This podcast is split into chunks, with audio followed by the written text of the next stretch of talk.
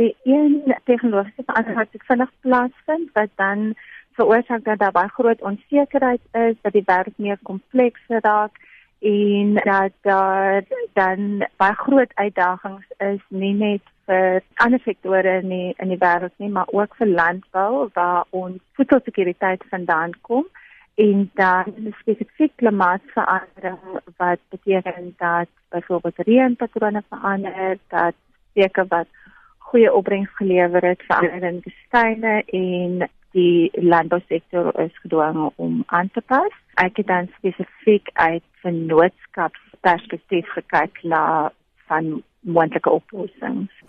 Die vermorsing van kos is een van die kernuitdagings, sê Jafta. Aan die positiewe kant kan tegnologie help met oplossings. Omtrent 40% van voedsel wat geproduseer word in die wêreld vermors en in ontwikkelende lande soos in Afrika is die grootste deel daarvan van produksie en verspreiding voordat dit by die mark kom. En die positiewe is dat 'n mens met die nuwe tegnologie, nuwe sakemodelle daai probleem kan aanspreek teen minder kos as wat dit nou kos. Met ander woorde, voordat 'n mens nog enigsins dink aan meer voedsel produseer, kan ons die dinge net anders te doen wat ons reeds produseer by meer mense uitbring. Die groot vraag sê sy is met wie vennootskappe hiervoor aangegaan moet word. Die eerste perspektief is oor vennootskappe met die regering maar op alle vlakke en daar het ek 'n voorbeeld gebruik wat nie in spesifiek in landbou van toepassing is nie maar vir my baie treffend was en dit is die manier waarop hulle in China die konflik tussen Uber en ander taxi-bestuurders of taxi-eienaars opgelos het in plaas van om in Suid-Afrika tot geweld oor te gaan het eh, die Uber ekwivalent in China dood eenvoudig hulle tegnologie platform oopgemaak vir hulle mededingers en die mededingers kry dan toegang tot die data in tyd en waarop hulle dan kompeteer is hulle prys en die kwaliteit van hulle diens. So dit haal daai hele byt van die mededinging uit, die konflik uit en verder het hulle dan die regering betrek om te sê ons het hierdie tegnologie om alles te digitaliseer. So ons kan dan vir die regering in die stede intyds inligting gee oor hoe lyk die verkeersvloei 24 ure dag en hulle kan beheer van byvoorbeeld verkeersligte daarbey aanpas om uh, ongelukke te voorkom en op onthoude op die paaie te voorkom wat dinge baie meer doeltreffend maak en koste afbring.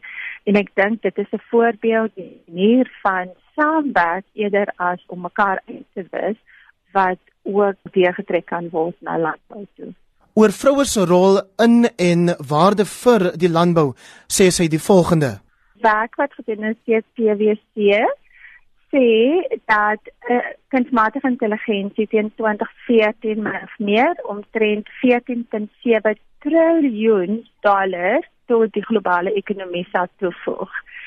Terwyl navorsing wat nou baie onlangs gepubliseer is wys dat as mens vroue ordentlik in die ekonomie integreer, die bydrae dan sal 28 trilljoen dollar beloop.